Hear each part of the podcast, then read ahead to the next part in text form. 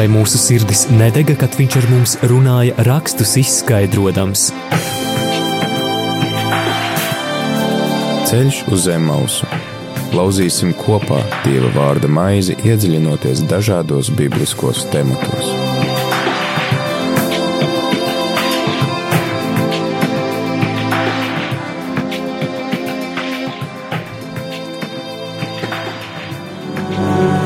Esiet sveicināti, dārgie radio Marija Latvija klausītāji. Mans vārds ir Māris Veliks, atkal ceturtdienas vakars, un no jauna pie tevis steidzas raidījums Ceļš uz Emmausu. Raidījums, kura laikā mēs turpināsim studēt svētos rakstus, Dieva vārdu. Šoreiz aplūkosim kādu, manuprāt, ļoti, ļoti populāru rakstu vietu, pie kuras vienmēr ir vērts atkal no jauna atgriezties un savā bagātībā un daudzveidībā šī rakstu vieta ir vienkārši satriecoša. Runa ir par pasaules radīšanas stāstu, kādu mēs to lasām radīšanas grāmatas, jeb pirmās mūzes grāmatas, pirmajā nodaļā. Un priecājos, ka studijā kopā ar mums šajā ceturtdienas vakarā ir Laila Čakare, Lutera akadēmijas vecās derības un ebreju valodas pasniedzēja. Labvakar! Labvakar! Laila, kā sākās jūsu ceļš iepazīstot ebreju valodu un arī veco derību? Kā, kā tas ir kļuvis par jūsu dzīves daļu? Es savulaik mācījos teoloģijas fakultātē, tad, kad šī fakultāte tikko atvērās, un tur arī sākumā vismaz ļoti daudz un pamatīgi mācīja ebreju valodu. Un ebreju valoda man kaut kā ļoti uzrunāja uzreiz jau no paša sākuma. Un es, es atceros, tad, kad um, bija pirmā sesija un bija mums dots pirmais uzdevums iztulkot um, pirmās mūzes grāmatas 22. nodaļu, tad es uh, paņēmu līdzi visas grāmatas un aizbraucu uz vecās mammas māju, kas tobrīd ziemā stāvēja tukša. Un visu to nedēļu, kas, kas bija dota, lai gatavotos eksāmeniem, vienkārši lasīju šo vienu nodaļu. Un tā tik ļoti mani pārņēma, ka es salīdzinot ar um, esošo toreiz latviešu bībeles tulkojumu, toreiz tā pie sevis teicu, no Dievs, ja tas varētu būt tavs prāts, varbūt, ka es to kādreiz varētu darīt, un varbūt, ka es to varētu izdarīt kaut kā labāk. Nu, jā, kā es bieži vien mēdzu teikt saviem studentiem, esiet uzmanīgi ar savām lūkšanām, jo tās arī Dievs var uzklausīt. Tieši tā. nu jā, un, un pēc um, teoloģijas fakultātes beigšanas tieši bija sācies darbs pie jaunā bībeles tulkojuma, un arī mani uzaicināja šai komandā. Un uzreiz arī aizsūtīja uz Holandi, uz Amsterdamu. Tur es vienu gadu mācījos tieši bībeles tulkotāju programmā kas arī bija tāds ļoti vērtīgs ieguvums. Pēc tam atbraucot atpakaļ, tad varēja turpināt darbu pie jaunā bībeles tulkojuma. Jā, šobrīd manās rokās jaunais bībeles tulkojums un ceru, ka klausītāji arī tavās rokās, ja vien tev šajā brīdī ir iespēja atvērt svētos rakstus un vai jūs tulkojāt kādas rakstu vietas no vecās derības šajā jaunajā tulkojumā? Jā, es tulkoju soļu grāmatu, rutes grāmatu un uh, no mazajiem praviešiem šķiet, ka Mihas grāmatu, un tad arī, man liekas, kādu no Samuela grāmatām. Var, vairs neatceros. Jā, šodien pievēršamies pirmās mūzes grāmatas pirmajai nodaļai, un tad pēc brīža tad lūkosimies šī teksta dziļumos.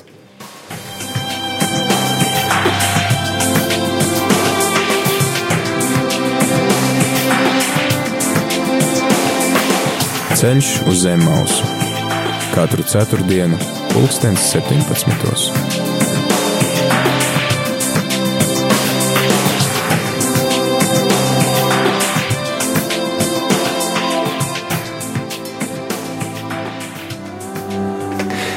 Ļoti skaists, ļoti bagātīgs teksts no pirmās mūzes grāmatas, sauktas arī par radīšanas grāmatu vai iesākumu. Teksts par pasaules radīšanu, iespējams, tev klausītāji, šķietami jau pazīstams teksts par to, kā Dievs sešās dienās rada pasauli un septītajā atpūšas. Laila, ar ko būtu jāsāk šo tekstu studējot un, un kur būs tas mūsu atspēriena punkts šajā vakarā? Ar ko būtu jāsāk, ja tiešām tā nopietni grib eh, Bībeles tekstu studēt un tajā iedziļināties, tad vislabāk būtu sākt ar valodām. Ar pamatvalodām, ar vecās derības ebreju valodu un jaunās derības grieķu valodu. Un varbūt tādam mazliet tādam ieskatam, es nolasīšu mazu gabaliņu. Jā, priecāsimies dzirdēt. Pašu, pašu sākumu no šīs pirmās nodaļas. Berešīt barā Elohim et hašamaim vēt hārets, ve hārets haitā tohu vavohu, ve hošeh alpnē tehom, ve roach Elohim merachefet alpnē hamaim. Vajomer Elohim, jehi or, vajehi or. Vajar Elohim et haor kitov, vajavdel Elohim ben haor uven hahoshech, ויקרא אלוהים לאור יום, ולחושך קרא לילה. ויהי ערב, ויהי בוקר, jom ehad. Ļoti skaisti. Tas bija par pirmo radīšanas dienu. Jā, tātad um, pirmās nodaļas um, pirmais pants sākumā Dievs radīja debesis un zemi. Tad, um, lūdzu. Jā. Um, būtībā šeit mums vajadzētu aizdomāties jau uzreiz pie katra vārda. Vispirms jau Bībeles teksts sākas tā ļoti neparasti, sākas ar sākumā. Un mums latviešu valodā nu, normāli gribētos uzreiz zināt un saprast, kā sākumā. Bet tas, un tieši tāpat ir arī ebreju valodā, bet te nav pateikts, kā sākumā. Vienkārši teikt sākumā. Tātad tas bija visa sākums. Visa tā, par ko vēlāk būs runa šajos rakstos. Un pirms šā sākuma mēs redzam, ka bija tikai Dievs, kurš radīja. Tātad no sākumā radīja Dievs. Arī vārds radīja, kas šeit ir lietots ebreju valodā, ir ļoti īpašs vārds, jo tas apzīmē radīšanu no nekā. Varā? Varā, jā. Uh, cilvēks var radīt no kaut kā.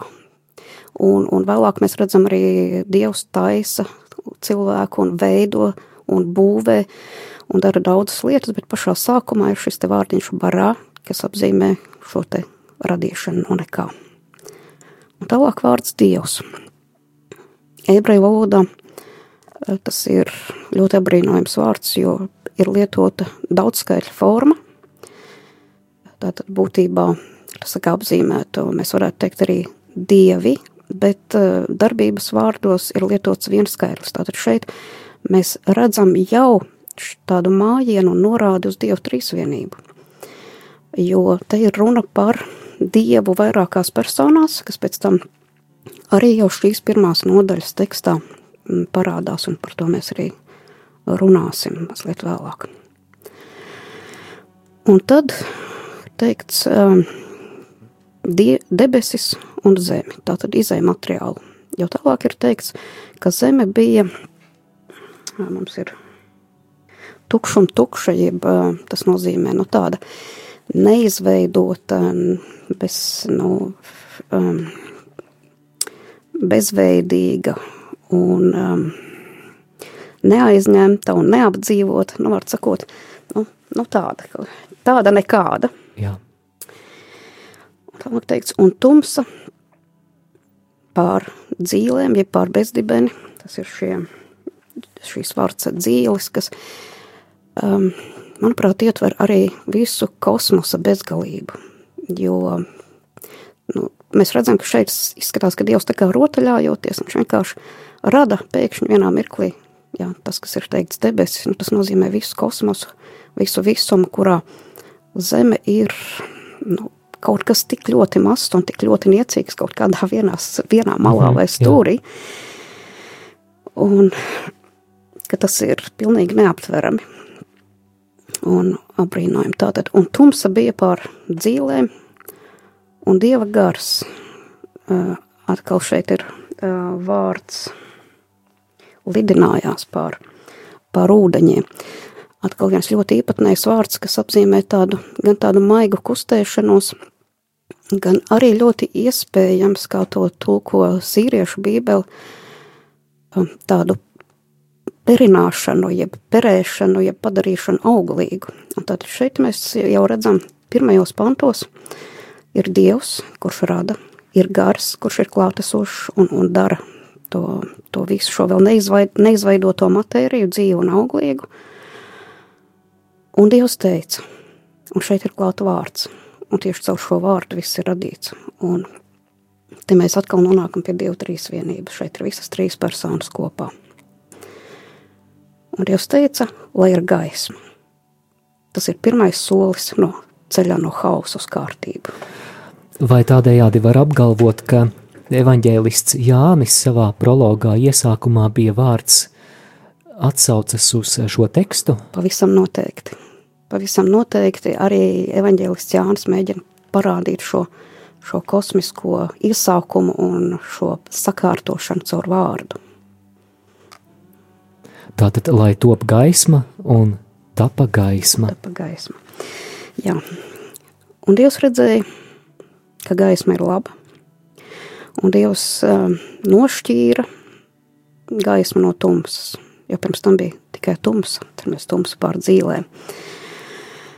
Un Dievs sauca dienai, sauca gaismai diena, un tumsai viņš sauca nakts. Un pilnīgi šeit um, tas, tas teksts rāda tādu, rada tādu dzīvu klātbūtnes ainu. Jā, Dievs rada, un viņš priecājās, un viņš sauc, un tas vārds, ko viņš dod, tas, tas arī paliek, un Dievs sauc gaismai dienu, un tā tika nosaukt par dienu, un Dievs sauc tumsai nakts, un tā, un tā ir nakts. Un bija vakars, un bija rīts viena diena. Tātad pirmā radīšanas diena bija šī viena diena, kas ir arī īpaši uzsvērts ar šo viena diena.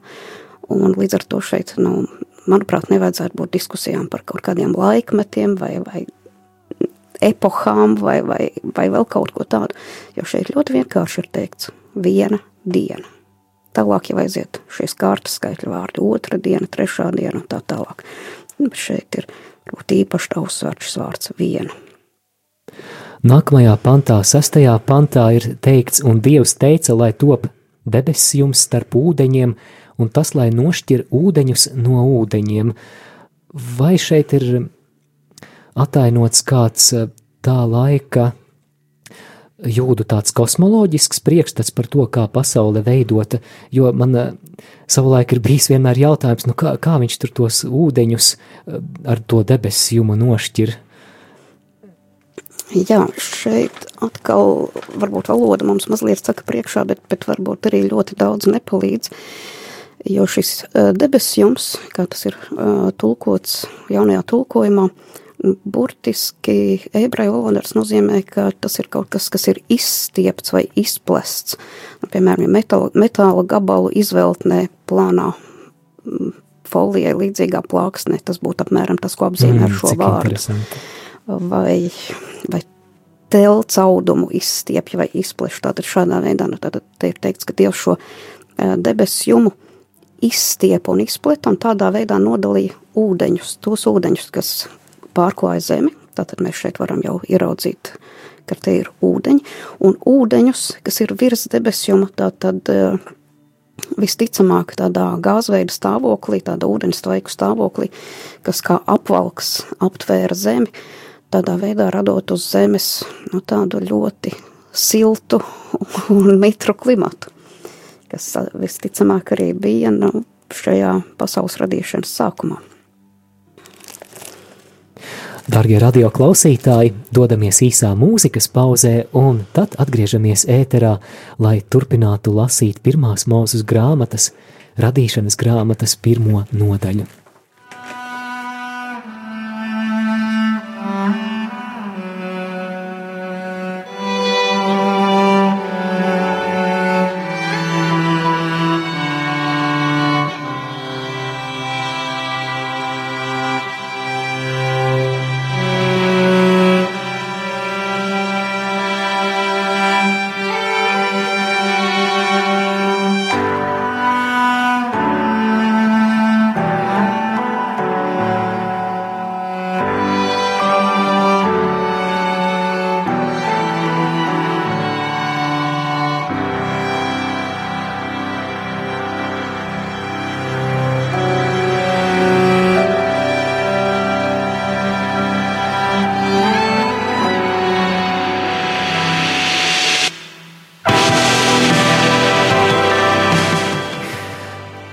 Dārgie radio klausītāji, turpinām raidījumu Ceļš uz Emmausu ceturtdienas vakarā. Sveiciens arī visiem tiem, kas šo raidījumu atkārtojumā klausās vēlā sestdienas vakarā. Atgādinu, ka šajā vakarā kopā ar mums Laila Čakare, Lutera akadēmijas vecās derības un Bībeles ebreju valodas pasniedzēja un runājam par radīšanas stāstu. Un tātad mēs palikām pie 7. panta, kad um, uh, Dievs šo debesu jomu izveidoja izplēta, kad šķīra ūdeņus um, aug, uh, virs zemes, ūdeņus zem debesjuma un ūdeņus virs debesjuma. Un Dievs nosauca šo nu, izplēsto debesjumu par debesīm, un teikts, un bija vakars, un bija rīts otrā diena. Un Dievs teica, lai visi ūdeņi zem debesīm saplūst vienu vietu, ka to redzam savu zemi. Un tā ir, ir teikts jaunajā tulkojumā. Un, un atkal šeit ir tāda, tāda ļoti interesanta, nu, tā, tā lasot, tā, tā ļoti interesanta sajūta rodās, kad, kad Dievs teica, un tad, lai tagad sapulcējās visi ūdeņi vienkopus, vienā vietā. Tā ir, ir kā tas būtu kaut kas dzīvs un, un kā šie ūdeņi saprastu šo, šo Dievu vārdu un pavēli, bet mēs redzam, ka jā, visa radība pakļaujās Dievu vārdam un pavēlēja. Ja mēs atceramies arī Jēzus teica vētrai klusu mierā un tā apklus. Tad šeit arī radīšanas sākumā Dievs saka, liek sapulcēties, sanā, savākties kopā ūdeņiem un kļūst redzama saus zeme. Tādas sausas zemes vietas. Un tā notika. Un Dievs nosauca savu zemi par zemi, un šeit pirmo reizi parādās uh, vārds erets, kas pēc tam ir ļoti daudz un bieži lietots Bībelē un, un apzīmē gan zemi vispār, gan konkrētu teritoriju, gan dažreiz arī valstis. Uh, bet šeit šis liet, vārds ir nu, lietots tādā vispārīgā zemes nozīmē. Un ūdeņu sapulcējumu, jeb saplūdumu Dievs nosauc par jūrām. Un Dievs redzēja, ka tā labi Un Dievs teica: Lai uz zemes sazaļo augi, stāri, kas briedina sēklu, un augļu koki, kas nes augļus, kam sēkla, katrs pēc sava veida, lai ir uz zemes. Tātad būtībā Dievs e, teica, lai zeme izzaļo zāli. Šeit ir tādas skaistas vārdu spēles pat lietotas. Un augus, kas nobriedina sēklu, un augļu kokus, kas nes augļus, kuros ir sēkla, un, un katru pēc sava veida. Un bieži vien arī ir jautājums par to, ko nozīmē pēc sava veida, jo tas šeit atkārtojās šai radīšanas stāstā vairāk kārt, gan šeit pie augiem, gan arī tālāk pie dzīvniekiem. Uh, tas nozīmē, ka Dievs nolika robežas, kur, kur teiksim, sakrustojot vai sapārojot kādus individus no dažādiem šiem veidiem, vai nu tur vispār nekas nevar iznākt, vai arī rodas pēcnācējus radīt nespējīgi individi, kā tas, piemēram, vēlāk vēsturē, Izraēla vēsturē mēs to redzam, ka ļoti populāri bija mūļi arī šais uh, tuvējos austrumos kā ļoti izturīgi dzīvnieki, tātad zirgu un ēzeļu krustojums. Bet izrēlieši nedrīkstēja šādu krustošanu veikt. Dievs to bija viņiem aizliedzis. Un tāpēc par dārgu naudu šos mūļus vajadzēja iepirkt mm, kaimiņu zemēs. Un tāpēc kā īpaši arī salmana bagātības pazīme ir tā, ka viņam bija ļoti daudz mūļu. Jā. un tā tad, un atkal tātad noslēdzās šī trešā diena ar to, ka virs zemes tiek radīti augi. Zīmīgi, ka bija gaisma, bet vēl nebija spīdekļi, jo spīdekļi tagad tiks radīti tikai 4. dienā. Un Dievs teica, lai debesu jumā top gaismekļi, lai tie nošķira dienu no nakts, lai tie ir zīmes, kas rāda laiku miju, dienas un gadus. Nu, laiku miju šeit atkal lietots tāds, tāds vārds, kas apzīmē noteiktos laikus, mhm norunātos, nosacītos laikus. Vārds, kas vēlāk tiek lietots arī attiecībā uz sajiešanas telti, tātad šo telti, kur notiek dievkalpojumi. Viņu ebrejiski sauc par Ohelmo ēdu. Tātad, kur noteiktos laikos cilvēki sanāk tieši uz šo dievkalpošanu. Tātad šeit arī runa, ka šiem, šie spīdekļi, ko Dievs rada, ir par zīmi, kas rāda noteiktos laikus, nosaka dienas un gadus. Tātad, vai šeit parādās mazliet kaut kāds liturģisks konteksts, ja tā var teikt, ja runa, ja te ir kaut kāda saistība ar šo sajiešanas telti, ko Mūzes uzcēla kā, kā tempļa prototips kaut kāds? Vis, vai? Vismaz tas vārds, kas šeit ir lietots apzīmējot laikus, jā, ļauj par jā, to domāt. Jā, ka tas, ka tas ir nu, tiešām apzināti tāds izvēlēts, jo varēja var izvēlēties vienkāršu vārdu, vienkāršu laiks, bez kādas šādas nozīmes. Un, un Dievs taisīja divus lielus gaismekļus – lielāko gaismekli, lai valda pār dienu, un mazāko gaismekli, lai valda pār nakti un zvaigznes. Un atkal šeit tas, un zvaigznes, tas tiek pateikts tā tik vienkārši, kā tas nekad ne, nekas nebūtu, nekas sevišķs. Nu tā, tādi mazi spīgulīši tur debesjumā, vienkārši, lai skaisti izskatās.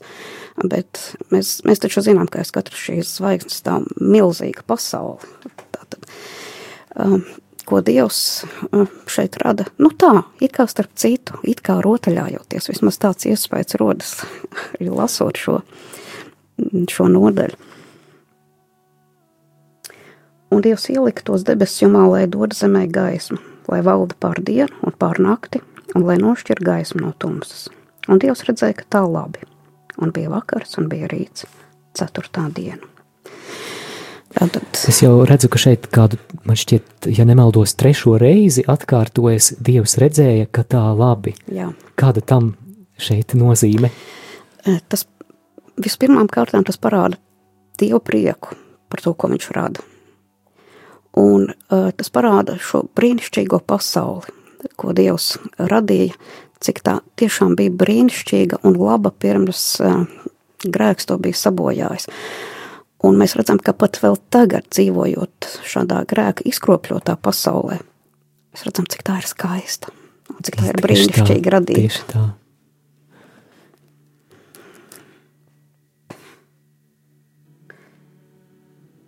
Un, un tad pienāk piektā radīšanas diena, kad, kad to radīti dzīvnieki un, un dzīvā daba. Un Dievs teica, lai ūdenī muģēt muģ dzīves būtnes, un pār zemi, lai lido putni zem debesjuma. Tā tad šeit muģēt muģ tā tas nozīmē, nu, ka viņu ir daudz un ļoti daudz un ļoti dažādi. Tātad šie ūdeņu dažādie radījumi un iemītnieki, kas arī šeit ir ļoti īpatnēji lietots vārds – lai tur muģētu muģ dzīves dvēseles.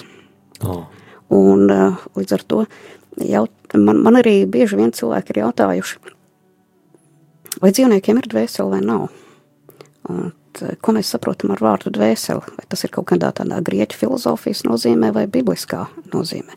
Ja mēs runājam par dvēseli tādā bibliskā nozīmē, mēs redzam, ka šeit ne tikai mūsu, mūsu prāt saprātīgiem dzīvniekiem ir dvēsele šeit teikt, cik vienam, visiem tiem, kas tur muģ eh, jūrā, tiem katram ir dvēsele, viņi visi ir dzīves dvēseles. Un um, arī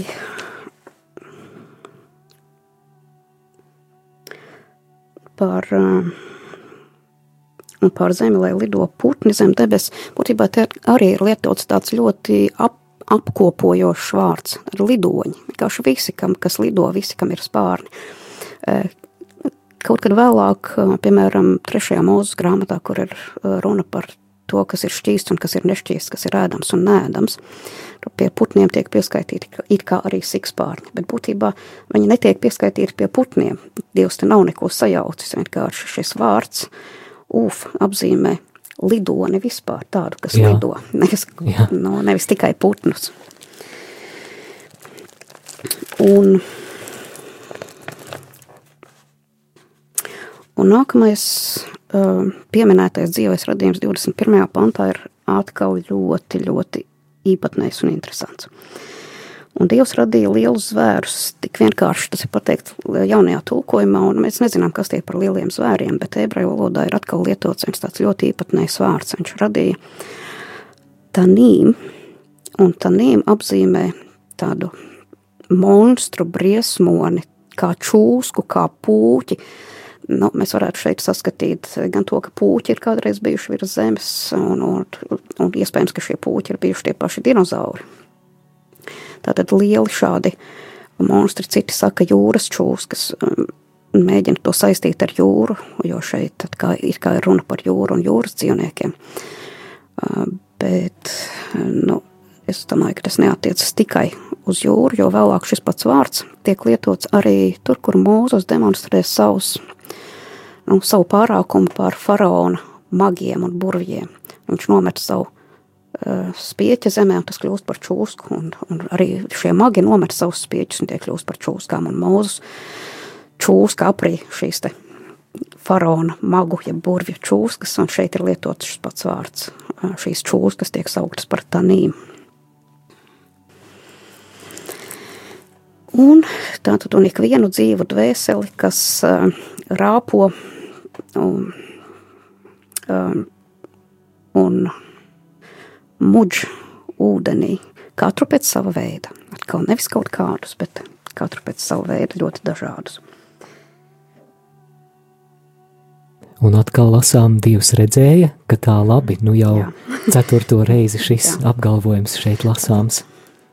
Tad būtībā pie katras dienas, gandrīz katras dienas beigās arī šī uh, parādās šis teikums, ka tiešām mēs redzam, ka Dievs priecājās par to, ka tas ir brīnišķīgi un labi izdarīts.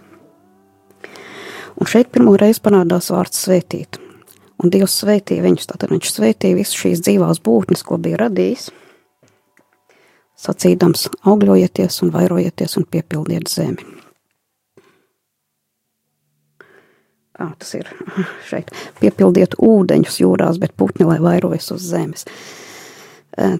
Tā pati pavēle, kas vēlāk tiks dot arī cilvēkam, tad kļūt daudz, viņi jau tā muģi jūrās, bet jau saka augļojieties un vairojieties un piepildiet visas jūras un, un, un arī putni, lai vairojas un, un piepilda visas debesis. Un atkal un bija vakars un bija rīts, piektā diena. Darbie klausītāji, skan raidījums Ceļš uz Emausu. Šajā vakarā kopā ar mums Laila Čakare, Lutera akadēmijas vecās derības un Bībeles ebreju valodas pasniedzēja. Pēc īsas mūzikas pauzes būsim atpakaļ, lai turpinātu studēt šo tik dziļo un skaisto un aizraujošo tekstu.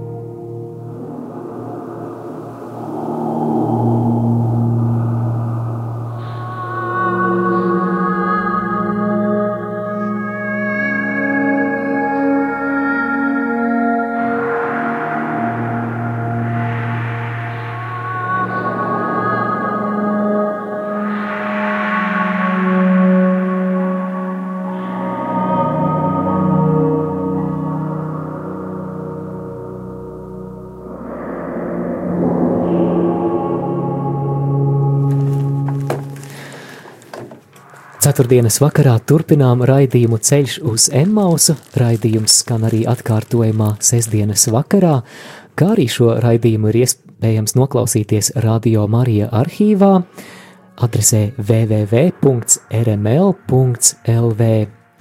Par pasaules radīšanas stāstu mēs runājam šajā vakarā ar mums vecās derības pasniedzēja un arī Bībeles ebreju valodas pasniedzēja Laila Čakare, un šajā pirmajā nodaļā esam nonākuši jau līdz sestajai dienai. Jā. Un Dievs teica, lai rodas uz zemes dzīves būtnes katra pēc sava veida, lopi un rāpuļi un zemes zvēri katrs pēc sava veida. Un tā ir. Un Dievs taisīja zemes zvērus katru pēc sava veida, un lopus katru pēc sava veida, un visus, kas rāpo pa zemi, katru pēc sava veida, un Dievs redzēja, ka tā labi. Šajos pantos atkal ir nu, tādas, tādi daži interesanti vārdi un dažas interesantas nianses. Tātad, Dievs teica, lai zeme izved pati, izdod ārā šos šīs dzīvās dvēseles, katru pēc tās veida, un tālāk ir teikts šos te lopus un rāpuļus, un lopus, nu, tas, ap, tas vārds apzīmē ebreju valodā gan mājlopus, gan, gan arī jebkādus lielus zālēdājus, un ebreju valodā tas ir tāds interesants vārds – behemā – un daudzskaitlība behemota, lai būtu vēl skaidrāk. Ak, tā. jā, bet, jā. bet tas nenozīmē tikai un vienīgi begemotus. Tas, tas nozīmē dažādus lielus zālēdājus dzīvniekus. Bet be, begemots droši vien ir mantojis savu nosaukumu es, no šī vārda. Es domāju, pavisam noteikti, jā. ka viņš varētu būt kaut kādā veidā šādu vārdu ieguvis ar to, ka viņš ir liels. Un tad Un tad mēs um, nonākam pie dieva, nu, varētu teikt, tāda radīšanas meistara darba. Jo nākamo radīšanas soli Dievs sāka ar sarunu. Un Dievs teica: Taisīsim cilvēku pēc mūsu tēva, pēc mūsu līdzības, lai tas valda pār zivīm jūrā, un pār putniem debesīs, un pār lopiem, un pār visu zemi, un pār visiem rāpuļiem, kas rāpo pa zemi. Es domāju, ka daudziem klausītājiem šajā brīdī jautājums, kāpēc šeit ir lietots darbības vārds daudzskaitlī taisīsim cilvēku, vai tas arī ir redzams šajā ebreju tekstā? Jā, tieši tā. Ebreju valodā ļoti izteikti visiem darbības vārdiem, visos darbības vārdos ir ietverti iekšā dzimte un skaitlis un persona. Tā ka šeit var redzēt, ka tas ir daudz skaitlis un pirmā persona. Jā. Mēs, Dievs apspriežās ar kādu, viņš saka, mēs taisīsim, ar ko viņš apspriežās. Nu, ebreji, komentējot šo rakstu vietu, bieži vien saka, Dievs apspriežās ar eņģeļiem, bet to izslēdz nākamais pāns. Un Dievs saka, pēc mūsu tēla. Mm. Kādu tad mēs viņu taisīsim mm -hmm. pēc mūsu tēla pēc mūsu līdzības? Un tālāk 27. pāns arī saka, un Dievs radīja cilvēku pēc sava tēla pēc dieva tēla viņš radīja to vīrieti un sievieti. Viņš radīja, tur ļoti prasās vēl vārdiņš, tos. Jo šeit īpaši ir uzsvērts, ka Dievs radīja cilvēku, un te arī ir, ir jau iepriekš, lai nosakot šo cilvēku uzdevumu, Dievs saka, radīsim cilvēku, ja taisīsim, nav lietots vārds barā, bet ir lietots vārds, kas apzīmē izgatavošanu no kaut kā no kāda materiāla, un vēlāk tad otrajā nodaļā tas ir atklāts, no kāda materiāla tad cilvēks tiek veidots. Un šis uzdevums tiek dots jau paredzot, ka viņu būs daudz, nevis viens. Tātad, lai tie valda pār, zi, pār jūras zivīm un pār debesu lido, lidoņiem. Un šis, arī šis vārds, kas šeit ir lietots ebreju valodā, tas nozīmē, nu tā, pakļaut, pārvaldīt, tātad būt kungam un noteicējam. Tātad šādas lielas pilnvaras uh, Dievs dod cilvēkiem, viņus radīdams, būt valdniekiem, būt pārvaldniekiem. Uh, nevien par to, ko mēs tiksim, tā varētu varbūt iedomāties un aptvert, nu, dzīvnieki, kas ir saprātīgi, bet nē, pār jūras zivīm un pār putniem, visiem, kas lido zem debesīm, kur mums uh, pēc šīs grēka samaitātājā pasaulē, mums liekas, tas, tas vispār nav iespējams. Bet šāda te pilnvaru cilvēkiem bija dota, un savā ziņā tas arī atklāja to, ko nozīmē pēc dieva tēla un, pēc, un kā dieva līdzībā, kā šeit ir teikts burtiski. Tātad dieva tēlā un kā viņa līdzībā.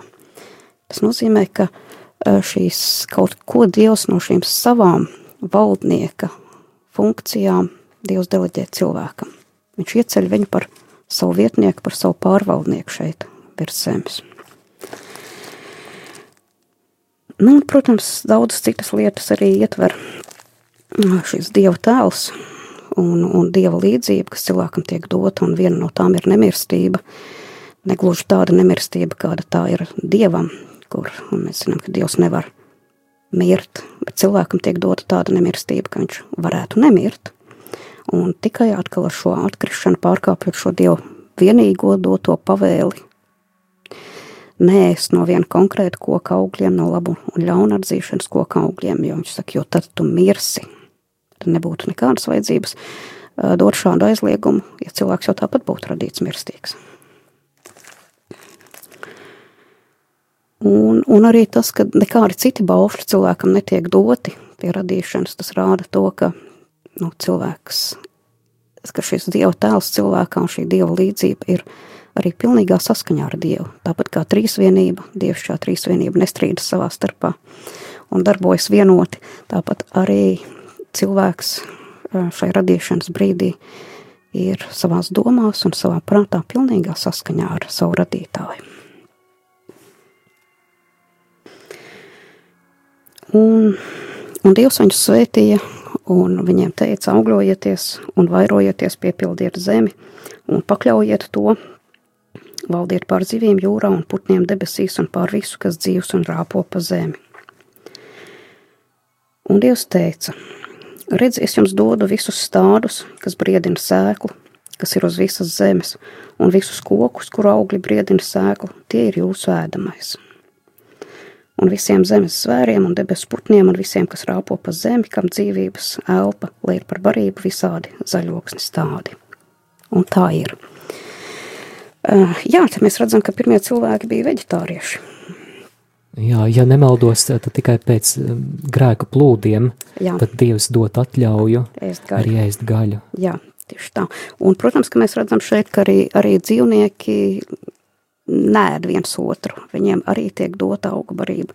Un, ja kādreiz kādi skeptiķi saka, jā, jā, nu tā jau no vilks vai lācis ēdīs zāli, bet tas, eh, teiksim, šajā, nu, tas nemaz nav tik neiespējami, ka tie, kas šobrīd ir plēsēji, kas ir par tādiem kļuvuši pirm, pirms atkal, pirms grēks ienāca pasaulē un visai radībai bija jācieš līdzi cilvēku atkrišanas dēļ, tad arī radība cieš līdz šīs atkrišanas sekas un šī nežēlība un cieņa par izdzīvošanu ir ienākusi arī dzīvnieku un pasaulē un visā dzīvajā dabā. Tas, ko jūs nu pat minējāt, man lika atcerēties eh, pravieša Jesajas grāmatas 11. nodaļas fragmentu, eh, kur atkal attēlota šī atjaunotā harmonija starp eh, dzīvās radības pārstāvjiem, piemēram, vilks mitīs kopā ar jēru, pantera kopā ar kazlēnu gulēs, tele, lauvēns un nobarots vērsis blakus, maz zēns tos ganīs. Jā, un arī aizvien lasot šo vietu no iesaistas grāmatas kopā ar studentiem, tad, tad mēs par to arī priecājamies par šo brīnišķīgo apsolījumu par atjaunoto zemi un atjaunoto kārtību un saskaņu visas radības starpā. Un ko mēs eh, lasām tālāk? Un Dievs redzēja visu, ko bija darījis, un redzi, tas bija ļoti labi. Un bija vakars, un bija rīts, sastāvdienu. Bet šis stāsts nebūtu pilnīgs un noslēgts, ja mēs neizlasītu vēl arī dažus nākamos pantus no otrās nodaļas, kā šī radīšanas nedēļa beidzas. Tad tulīt pievērsīsimies arī pirmās mūzes grāmatas otrajai nodaļai, kur mēs lasīsim par septīto dienu šajā radīšanas stāstā. Atgādinu klausītāji, ka tev ir iespēja iesaistīties šajā raidījumā, un ja tev ir radušās kādas pārdomas, varbūt neskaidrības vai jautājumi, tad vēl desmit minūšu laikā tev ir iespēja uzrakstīt īsiņu uz numuru 266 77 272, atkārtošu numuru īsiņām vēlreiz 266, 77, 272.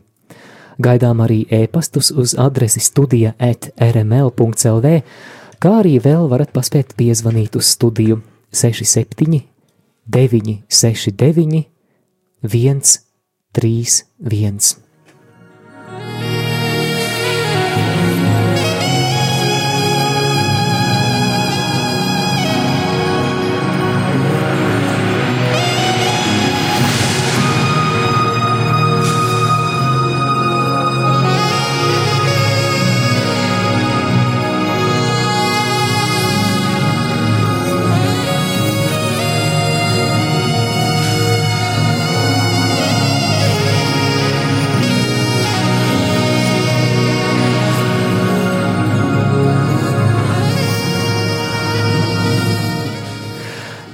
Atgriežamies ēterā.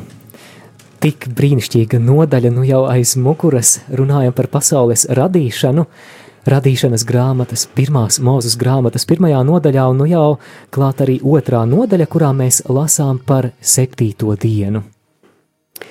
Un tika pabeigtas debesis un zeme un visi to pulki, Un septītajā dienā Dievs pabeidza savu darbu, ko bija darījis, un septītajā dienā viņš mitējās no visa sava darba, ko bija darījis. Un septīto dienu Dievs svētīja un darīja to svētu, jo tajā dienā viņš mitējās no visa sava darba, ko bija darījis, radīdams.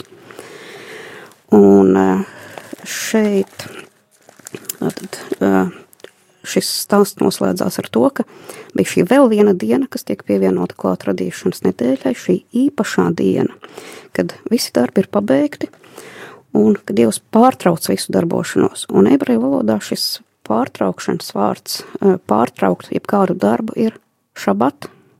Droši vien, ka būs kaut kur dzirdēts šāds vārds. Jā, jā. Tad, uh, ebreju valodā sabats tieši to arī nozīmē. Um, visu darbu pārtraukšanu, norimšanos.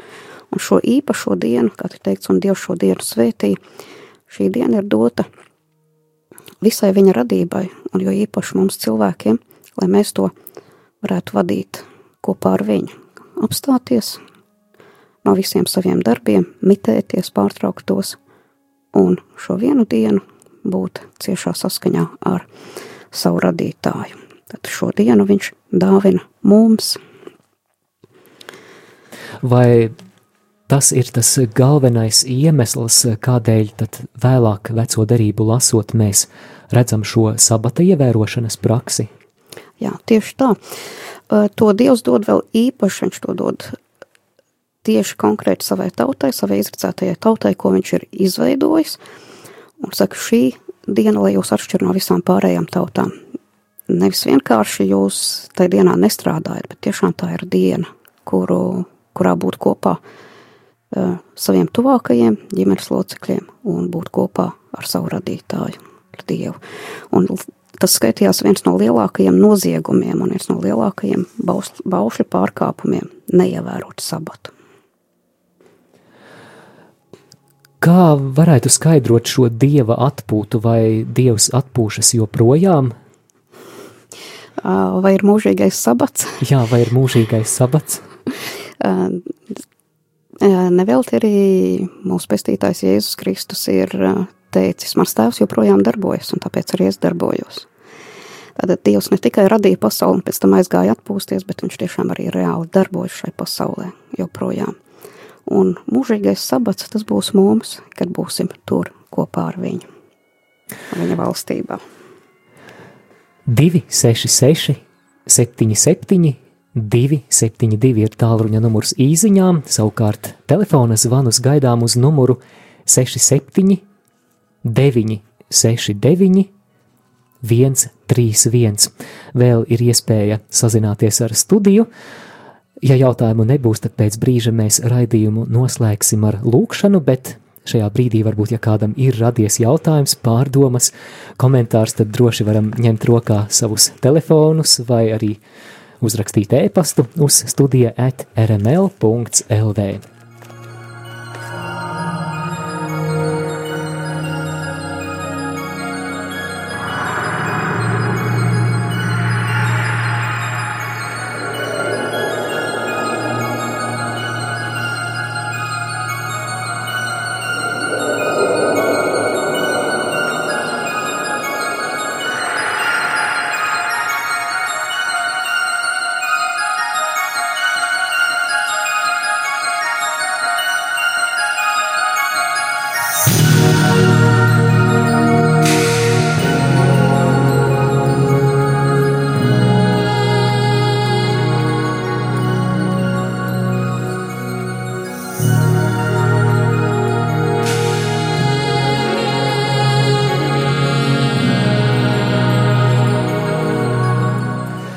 Mums ir arī kāds telefona zvans, uzklausīsim, lūdzu. Halo!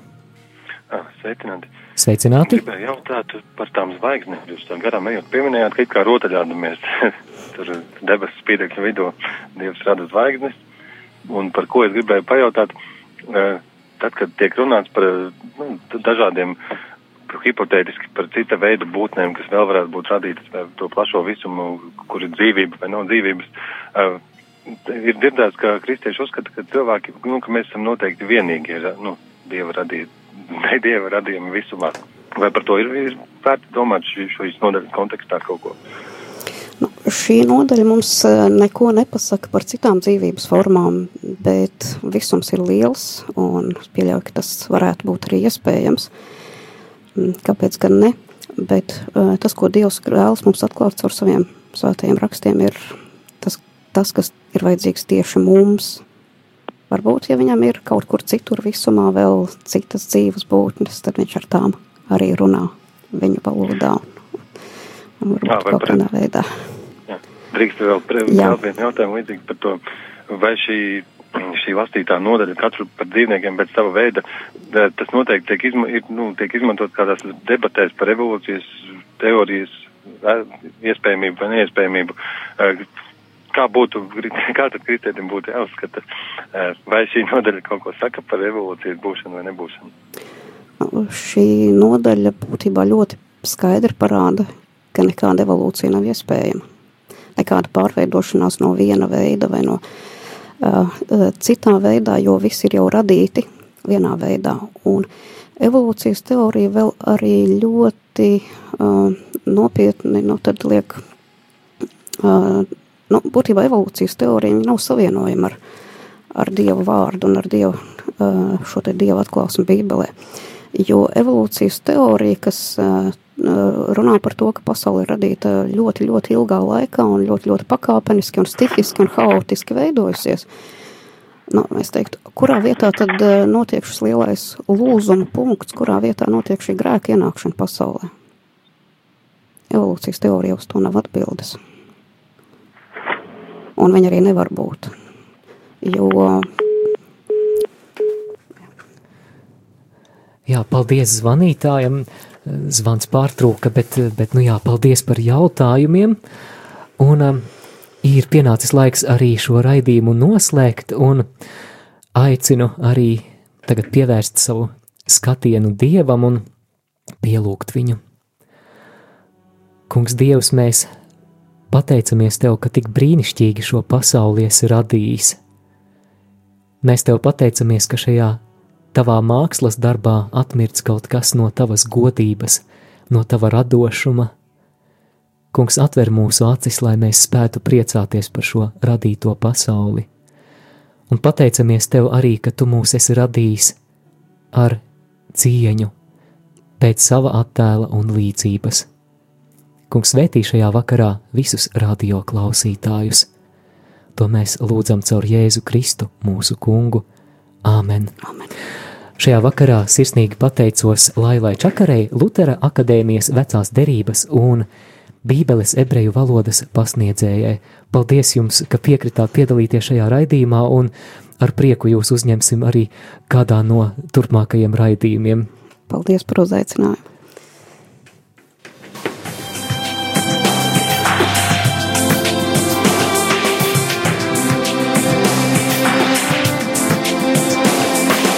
Ceļš uz zem mausu katru ceturtdienu, pulkstens 17.